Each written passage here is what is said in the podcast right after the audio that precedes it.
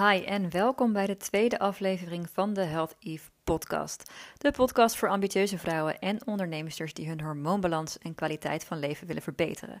Die willen weten wat je zelf kan doen om hormonale problemen aan te pakken, om je vruchtbaarheid te verhogen en om je stresslevel te verlagen, zonder dat het ten koste gaat van je ambities.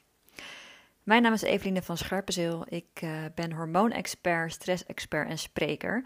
En ik help ambitieuze vrouwen in het bedrijfsleven en ondernemers om hormonaal weer in balans te komen. Dat doe ik onder andere in mijn exclusieve 1 op 1 traject Female Balance, maar ook middels workshops bijvoorbeeld bij organisaties voor de medewerksters. En in mijn vorige podcast vertelde ik hoe ik de hormonale disbalans PCOS overwon en hoe ik twee keer op natuurlijke wijze zwanger werd. Dus is dat interessant? Luister die zeker dan even terug. Nou, vandaag ga ik het hebben over de invloed van stress en burn-out op je hormonen. Uh, hoe dit mijn cyclus persoonlijk helemaal plat legde een paar jaar geleden en wat je eraan kan doen. Uh, ik zie dagelijks in mijn praktijk veel ambitieuze vrouwen die vaak ook onbewust kampen met stress. En ik herken het direct omdat ik hier zelf dus een paar jaar geleden mee kampte. En uh, in 2018, wat ik al zei, legde stress mijn hele cyclus plat. Stress was voor mij ook de grootste oorzaak van PCOS. Maar wat doet stress nou precies met je hormonen en hoe herken je dit?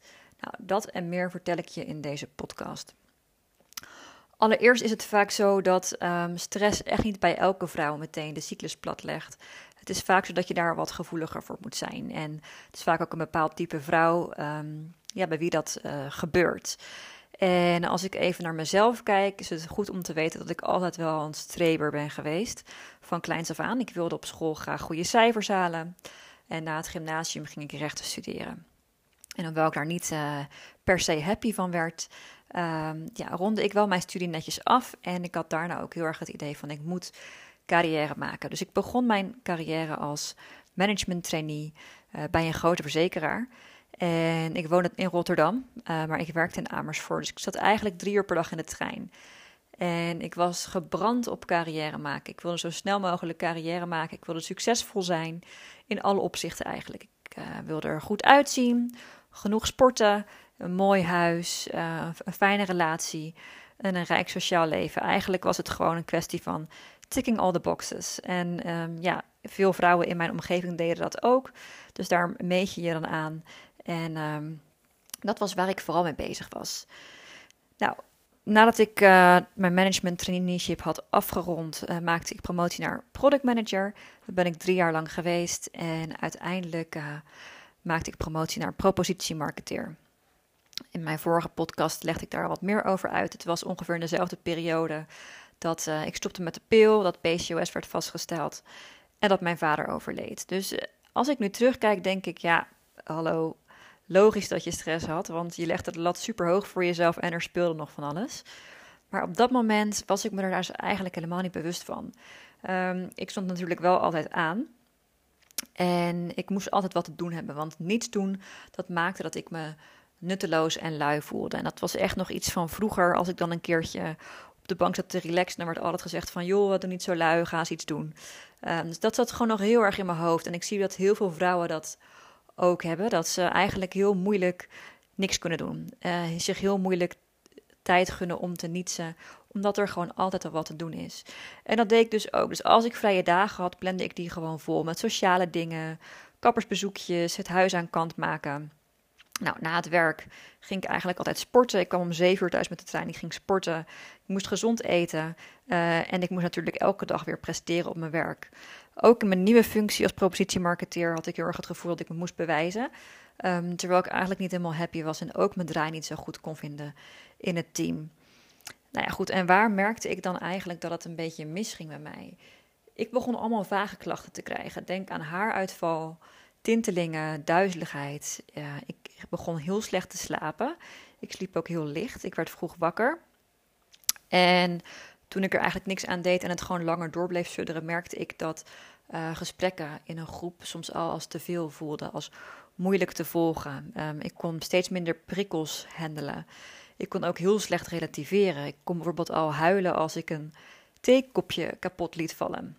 En wel maakte ik me natuurlijk zorgen over die uitblijvende cyclus. Uh, helemaal in combinatie met mijn kinderwens. Ik vroeg me af: kan ik ooit wel moeder worden? Of zal ik dan die vrouw zijn bij wie zwanger worden niet lukt? Ehm, maar los van die zorgen was ik me verder eigenlijk totaal niet bewust van stress, omdat het gewoon het nieuwe normaal voor mij was geworden. En dit is wat ik ook altijd zie bij vrouwen, veel ambitieuze vrouwen die ik help. Ehm, wat ik net al zei, we zijn altijd maar gewend om ons nuttig te maken. Uit werk, kids ophalen, koken, uh, naar de sportschool, huishouden doen sociale gelegenheden. We gunnen ons geen tijd voor onszelf. We gunnen ons geen tijd om te nietsen. En het wordt het nieuwe normaal. Dus je weet eigenlijk niet beter dan dat je altijd aanstaat. En dat begint vaak s morgens al als je opstaat. Hè? Dus dan word je wakker en het eerste wat je doet is dat je je telefoon checkt. Oh, even je appjes, misschien even wat social media, misschien even het nieuws. En ook eindig je je dag met je telefoon checken. En sterker nog, elk leeg moment op de dag vul je op met je telefoon. Of misschien wel met Netflix. Of of misschien met de was dan, omdat er nog wel iets in het huishouden moet gebeuren. Maar dit zijn ook gewoon allemaal prikkels voor je lijf. Dus je lijf weet gewoon niet meer wat het is om te ontspannen. En dat is gewoon een vorm van stress, waar we ons vaak niet bewust van zijn. Nou, wat ik al zei, voor mij bleek stress dus de grootste boosdoener te zijn van mijn uitblijvende cyclus. En in mijn geval dus ook PCOS te veroorzaken. Nou, goed om te weten, stress leidt echt niet altijd tot PCOS. Maar het leidt wel vaak tot problemen met je hormonen en je cyclus. Nou, waar kun je dat nou bijvoorbeeld aan merken? Als je uh, geen hormonale anticonceptie gebruikt. Want stel je gebruikt de pil, ja, dat legt gewoon je eigen cyclus plat. Dus dan kan je dat niet zo goed terugzien in je cyclus natuurlijk. Maar als je geen hormonale anticonceptie gebruikt en je hebt gewoon een cyclus. Um, dan kan je dus merken aan dat de tweede helft van je cyclus wat korter is. Dat noemen we de luteale fase. Uh, dat is de fase tussen je ijsprong en je volgende menstruatie in.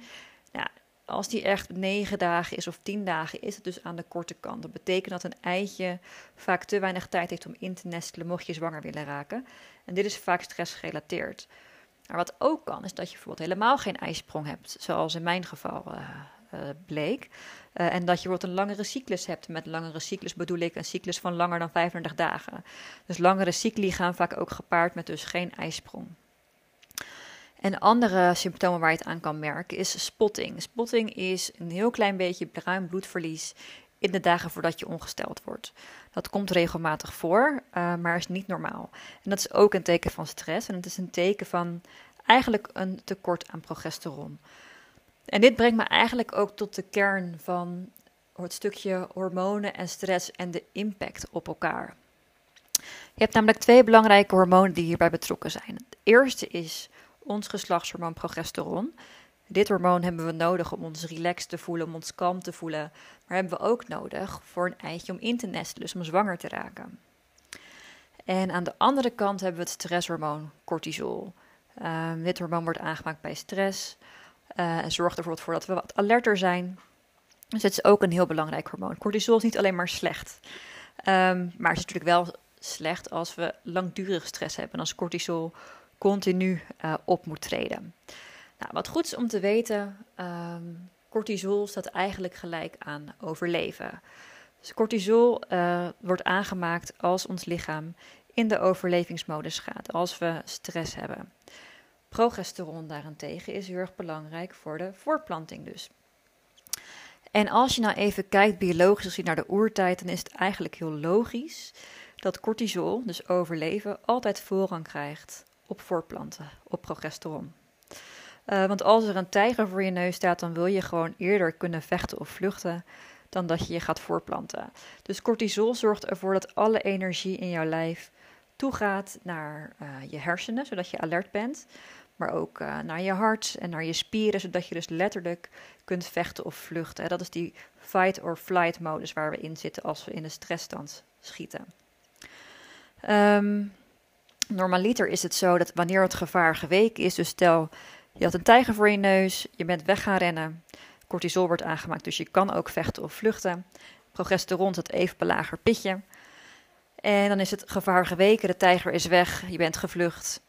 En dan is de bedoeling dat alles weer normaal gaat werken. Dus dat cortisol uit wordt gezet en dat progesteron weer gewoon voorrang krijgt. Alleen tegenwoordig, wat ik net al zei, we staan de hele dag door aan, we hebben de hele dag door prikkels. Ons lichaam weet niet meer wanneer gevaar geweken is, omdat we dus altijd aanstaan. Misschien heb je morgen wel weer een veel eisende baas of een overvolle mailbox. Ja, daar reageert ons lichaam tegenwoordig gewoon hetzelfde op als op, uh, als op een tijger eigenlijk. En dat zorgt er dus voor dat je problemen kan krijgen met je cyclus als je langdurige stress hebt, omdat je lichaam dus eigenlijk nog in die overlevingsstand staat en er dus geen ruimte meer is voor het uh, hormoon progesteron. Dus voor een gezonde cyclus, voor een gezonde ijsprong, voor een gezonde vruchtbaarheid. Nou, wat ook goed is om te weten is dat stress niet alleen maar het druk hebben is. Dat denken we vaak van stress is mentale stress. Maar je lijf ziet nog veel meer andere dingen als stress. Denk aan te intensief sporten, te weinig eten, maar denk ook aan alcohol, aan suiker, aan cafeïne, aan medicatie, aan roken. Dus bijvoorbeeld als jij koffie gaat drinken op een lege maag, dat slingert meteen al het stresshormoon cortisol aan. Je bent de hele dag door opgejaagd, je staat eigenlijk al 1-0 achter. Dus het is goed om je bewust te zijn van andere stressoren die je lijf dus als stress ziet. En wat er dan gebeurt, uh, is dat je lichaam hetzelfde reageert. Je lichaam voelt zich onveilig, je lichaam gaat in de overlevingsstand. Het stresshormoon cortisol wordt aangemaakt. En dat betekent dus dat het, de werking van het geslachtshormoon progesteron onderdrukt wordt. En dit was dus bij mij het geval. Uh, alleen ik was eigenlijk al zo lang door te gaan, doorgegaan dat mijn cyclus dus volledig uitbleef. En uh, bij mij veranderde er niets, dus dat ging langzaam over in burn-out klachten. Wat ik daar zelf aan merkte is dat ik slecht sliep, elke prikkel voelde als te veel. Uh, ja, dat is niet oké. Dus dat is chronische stress en dat wil je voor zijn. Nou, waaraan kan je nou merken dat je misschien een beetje richting burn-out gaat? Wat zijn nou beginklachten van chronische stress? Dan moet je dus denken aan vermoeidheid, maar ook niet lekker in je vel zitten. Uh, slaapproblemen, dus licht slapen, veel wakker worden. Vaak ook s morgens heel vroeg wakker worden, rond 5 à 6 uur bijvoorbeeld. Um, een opgejaagd en gespannen gevoel, snel geïrriteerd, je hebt geen zin in je werk, je hebt eigenlijk ook geen zin meer in sociale contacten en een laag libido. Dus dat zijn een beetje de beginklachten waar, waar je eigenlijk al, uh, ja, eigenlijk al alarm mag gaan slaan. Nou, laat je dit nou nog langer doorsudderen, dan is de kans aanwezig dat je dus in een burn-out terechtkomt. Nou, en dat kan je bijvoorbeeld mentaal merken aan dat je echt een neiging hebt om je terug te trekken. Dat je een gevoel hebt van mentale en emotionele uitputting. Uh, je voelt je onzeker, je hebt gevoelens van machteloosheid, neerslachtig. Maar ook slechte concentratie, besluiteloosheid. Je kan gewoon geen beslissingen meer nemen. Je hebt misschien angst- en paniekgedachten. Je hebt geheugenproblemen. En het hoeft niet zo te zijn dat je al deze klachten ervaart. Maar bij iedere persoon kan het zich weer een andere uh, klachten uiten. Dus vaak zijn het een paar klachten die ik net opnoemde, die je merkt. Ook fysiek kan je dit merken. Je, nou, wat ik net al zei aan slapeloosheid dus, maar ook dat je constant moe bent. Je kan bijvoorbeeld hoofdpijn hebben of pijn in je nek, in je schouders. Uh, je ademhaling zit hoog. Je bent snel moe, maar ook snel grieperig, snel verkouden. Het idee dat je elk virusje meepakt bijvoorbeeld. Denk ook aan darmproblemen, denk aan spanning in de buikstreek. Um, vaak zie je dat stress zich gaat manifesteren op een voor jou zwakke plek. Dus stel je bent heel erg gevoelig voor blaasontstekingen, dan is dat iets wat je bij stress bijvoorbeeld veel vaker kan, kan hebben als je richting burn-out gaat. Gewoon iets wat steeds weer opspeelt. Of je hebt een zwakke schouders, dat je daar heel snel last van krijgt. Dus iedereen heeft vaak wel bepaalde dingetjes die opspelen bij stress. Nou, ik vertelde net al dat bij stress um, overleven altijd voorrang krijgt. Dus overleven krijgt eigenlijk voorrang op jouw hormoonbalans, op je voortplantingssysteem. Maar er zijn ook nog heel veel andere systemen in ons lijf waar stress gewoon voorrang op krijgt. Gewoon eigenlijk minder belangrijke dingen. Minder belangrijke dingen dan overleven, die dus wel even op een lager pitje kunnen staan. En dat maakt dat je dus naast bijvoorbeeld cyclusproblemen ook andere fysieke klachten kan gaan ervaren als je lijf in de overlevingsstand staat. Dus um, bijvoorbeeld de spijsvertering, dat is ook iets wat op een lager pitje komt te staan. Het is minder belangrijk dat jij je eten goed kan verteren dan dat je overleeft. Um, en daardoor kun je dus darmklachten gaan ervaren. Dus denk aan boeren, oprispingen, maar ook aan obstipatie, diarree, opgezette buik, winderigheid. En dat is vaak gewoon een teken dat je spijsvertering niet zo lekker loopt. En dat komt dus vaak door chronische stress. Een ander systeem is bijvoorbeeld de schildklier. Onze schildklier is mega gevoelig voor stress en kan bijvoorbeeld trager gaan werken bij stress. En dat kan je bijvoorbeeld het eerste merken aan aankomen terwijl je niet anders bent gaan eten, niet meer bent gaan eten of niet minder bent gaan bewegen. Je kan het ook bijvoorbeeld snel koud hebben dan. Je kan last hebben van haaruitval en een droge huid. Dat zijn ook klachten die te maken hebben met een ja, tragere schildklier. En wat goed is om te weten is dat zowel cortisol, het stresshormoon, als het schildklierhormoon, als progesteron via dezelfde route worden aangemaakt. Waarbij dus het stresshormoon cortisol altijd voorrang krijgt. En daarna pas het schildklierhormoon en daarna pas de voortplanting, dus progesteron. Dus ben jij nou gevoelig voor schildklierklachten, dit kan bijvoorbeeld in je familie voorkomen, dan is de kans groot dat je dat dus eerder zal merken bij stress dan cyclusklachten. Hoe dan ook, uh, stress zorgt ervoor dat allerlei systemen in je lijf één voor één als domino-steentjes gaan omvallen. En dat dit dus ook impact heeft op je hormonen is onvermijdelijk. En als je er gevoelig voor bent, zoals ik, um, dan zal je dat al snel kunnen merken in je cyclus. Kijk, in mijn vorige podcast vertelde ik dat ik dus in 2018 ben gediagnosticeerd met PCOS. Dat ik dus heel lang geen cyclus heb gehad. En toen ik eenmaal ging letten op mijn stresslevel, onder andere, um, dat mijn cyclus dus langzaam weer terugkwam. En ook uh, na de geboorte van mijn, uh, van mijn dochtertje, van Amelie, in 2020, kreeg ik eigenlijk al vrij snel een regelmatige cyclus. En die bleef ook heel regelmatig. Maar dat wil niet zeggen dat ik daar nu nooit meer op hoef te letten. Ik weet dat stress mijn nummer één trigger is. En als ik dus wat meer stress heb, of een stressvolle periode heb, dan kan ik dat ook zo weer terugzien in mijn cyclus. Hij blijft niet meer uit, so far, gelukkig, omdat ik ook dus heel goed weet wat ik eraan kan doen. Um, maar het kan bijvoorbeeld wel zo zijn dat die ineens een paar dagen later is. Dat ik merk dat mijn ijsprong een paar dagen later is. En daardoor mijn cyclus ook. En dat is voor mij echt een teken van: oké, ik moet even gas terugnemen. Ik moet even pas op de plaats nemen. En nu denk je misschien, ja, dat is leuk, maar hoe doe je dat dan? Want ik heb gewoon een veel eisende baan en uh, ik werk misschien wel uh, eh, 60 uur in de week. Of je hebt allemaal mensen onder je, je hebt een gezin. Misschien heb je wel ouders waarvoor je moet zorgen. Of uh, spelen er andere problemen. Heb je het gewoon druk. Um, ja, het is ook niet altijd te voorkomen. Stress is niet altijd te voorkomen. Maar belangrijk is dat je weet hoe je je zenuwstelsel kan kalmeren. Dat is echt heel belangrijk. En dat zijn we eigenlijk gewoon allemaal verleerd. Want hoe ga je je zenuwstelsel kalmeren in een wereld vol met prikkels? Um, eventjes ter illustratie. Vandaag de dag krijgen we op één dag evenveel prikkels binnen als de oermens in zijn hele leven. Evenveel prikkels als de oermens in zijn hele leven. Dus daar is ons lichaam helemaal niet op gebouwd. En dat is dus ook de reden dat het aantal burn-out, het aantal hormonale klachten, het aantal stellen met vruchtbaarheidsproblemen, dat dat dus stijgt. Dus stressreductie is key. En dat is meer dan af en toe bijvoorbeeld een meditatie doen of vroeg naar bed. Daar los je dit gewoon niet mee op. En een groot deel van wat ik eigenlijk doe in mijn 1 op 1 traject Female Balance is vrouwen dus leren om stress te herkennen en om ze de tools te geven om hun zenuwstelsel te kalmeren. En dat is natuurlijk uh, de open deuren, de welbekende wegen zoals goed voedzaam eten, goed slapen, tekorten aanvullen, uh, genoeg naar buiten, lekker wandelen. Dat zijn natuurlijk de standaard dingen. Um, maar daarmee kalmeer je nog niet je hele zenuwstelsel.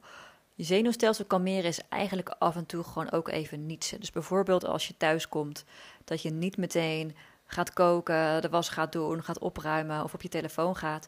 Maar dat je eigenlijk gewoon even uit het raam gaat staren, dagdromen. Of misschien wel even op de bank gaat liggen zonder een boekje, zonder tv. En gewoon even rust neemt. Dat is eigenlijk uh, hoe je je zenuwstelsel kan kalmeren. Als ik vrouwen vraag van, joh, hoe ontspan je eigenlijk? Dan krijg ik antwoorden zoals... Uh, mijn favoriete Netflix-serie kijken, lekker door de stad struinen of wijntjes doen met vriendinnen. En weet je, dat zijn ook dingen waar je plezier uit haalt. Dus dat moet je ook vooral blijven doen. Maar dat is niet een manier om je zenuwstelsel te kalmeren. Dus daarom bedoel ik eigenlijk echt ontprikkelen. Gewoon even geen prikkels meer. En dat zijn we niet gewend. En mijn ervaring is ook dat vrouwen dat onwijs moeilijk vinden. Omdat we ons dus nutteloos voelen, omdat onze gedachten alle kanten opgaan. En eh, we daar, ons daar gewoon heel erg ongemakkelijk bij voelen. Het is alleen wel de way to go om je zenuwstelsel te kalmeren, om je hormonen meer in balans te krijgen. Dat is eigenlijk iets wat je echt moet leren. Nou, één tip die ik vaak meegeef is: begin eens met 20 minuutjes per dag schermvrije me-time. Dus zonder schermen, en ga dan gewoon doen waar jij zin in hebt. Dus niet iets wat op je to-do-lijst staat, zoals de was of de vaatwasser uitruimen of uh, nieuwe gordijnen bestellen, ik noem maar iets. Uh, maar gewoon echt, waar heb ik zin in zonder schermen? Dus dat kan zijn inderdaad even een kop thee drinken en uit het raam staren. Het kan zijn, ik ga even op de bank liggen. Misschien vind je het fijn om een, uh, om een meditatie op te zetten, maar misschien is dat gewoon totaal niet jouw ding. Dan is dat ook helemaal oké. Ga voor jezelf vooral niet forceren om iets te doen waar je eigenlijk heel veel weerstand bij voelt. Um, maar het kan bijvoorbeeld ook zijn een lekker warm bad nemen. Misschien vind je het wel fijn om te tekenen, om muziek te luisteren, om uh, te breien. Kijk even wat voor jou werkt daarin. Maar belangrijk is dat je dus 20 minuutjes neemt en dat je niet gestoord wordt en dat je geen schermen gebruikt en geen to-do'tjes gaat afvinken. Um, dus dat is een begin. En dat kan je bijvoorbeeld doen op een vast moment per dag. Je kan bijvoorbeeld zeggen van nou, ik sta 20 minuutjes eerder op per dag om dit te doen voor mezelf. Of je kan zeggen, ik doe dit gewoon standaard als ik uit mijn werk kom. Of ik doe dit standaard na het eten. Of standaard nadat ik de kids op bed heb gelegd. En begin daar eens mee. En je zult zien dat je daar in het begin heel veel weerstand bij voelt. En dat het ongemakkelijk voelt en dat je gedachten alle kanten op gaan. Maar naarmate je het vaker doet, krijg je steeds meer gevoel bij waar je eigenlijk zin in hebt. En uh, wordt het ook een normaler gevoel voor je om, uh, om meer rust te gaan ervaren. Nou, in mijn Female Balance traject geef ik uh, de dames die ik begeleid nog veel meer tools mee daarin. En uh, begeleid ik ze ook daarbij als ze vastlopen. En geloof me, dat gebeurt vaak. Want het is gewoon best wel nieuw, best wel ongemakkelijk. En we zijn het gewoon totaal niet meer gewend. Nou, wil je hier meer over weten? Wat je nou kan doen om je zenuwstelsel te kalmeren? Volg me dan vooral even op Instagram, health.eve. Daar deel ik ook wel eens tips. En daarnaast ga ik waarschijnlijk in april, mei een, uh, een live masterclass geven. Omgeving Rotterdam. Uh, voor ambitieuze vrouwen. Dat is helemaal live. Het is een kleine groep. En daarin ga ik je dus meenemen in wat je kan doen om je zenuwstelsel te kalmeren. Maar ook uh, wat jij ja, ook in een drukke werkdag kan doen om hier bewuster bij stil te staan en je stresslevel af en toe te verlagen. Ook als je een veel eisende baan hebt of een, een glanzende carrière die veel van je vraagt. Want ook dan uh, is het belangrijk, juist belangrijk, om je zenuwstelsel te kalmeren. Maar het moet natuurlijk wel ook in je drukke leven passen. En ik weet als geen ander dat je al genoeg aan je hoofd hebt en dat het waarschijnlijk uh, niet echt aansprekend is voor jou om elke dag een uur op een yogamatje te gaan liggen. Um, dus daar hou ik dan ook altijd rekening mee. En in die sessie gaan we ook ervaren hoe het dan is om daadwerkelijk je zenuwstelsel te kalmeren. Dus het wordt een informatieve uh, middag. Um, waarin we ook nog eens dus zelf gaan ervaren hoe dat is. Dus uh, mocht je het interessant vinden, um, schrijf je even in voor mijn nieuwsbrief via mijn website healthief.nl of hou mijn Instagram in de gaten. Nou, dat waren even de tips voor nu die ik mee kon geven uh, over stress en hormonen. Ik hoop dat je een goed beeld hebt gekregen van wat de impact is van stress op je hormonen en uh, waar, je dit, waar je dat aan kan merken, ook in je cyclus onder andere. En dat je met deze tips een beginnetje kan maken om wat bewuster te zijn van stress en uh, je zenuwstelsel wat meer te kalmeren. Nou, mocht je vragen hebben, mocht je nog onderwerpen hebben waarvan je denkt, hey, dat is tof voor de podcast, hier wil ik meer over weten, stuur me gerust een berichtje en dan uh, hoor ik je heel graag weer de volgende keer.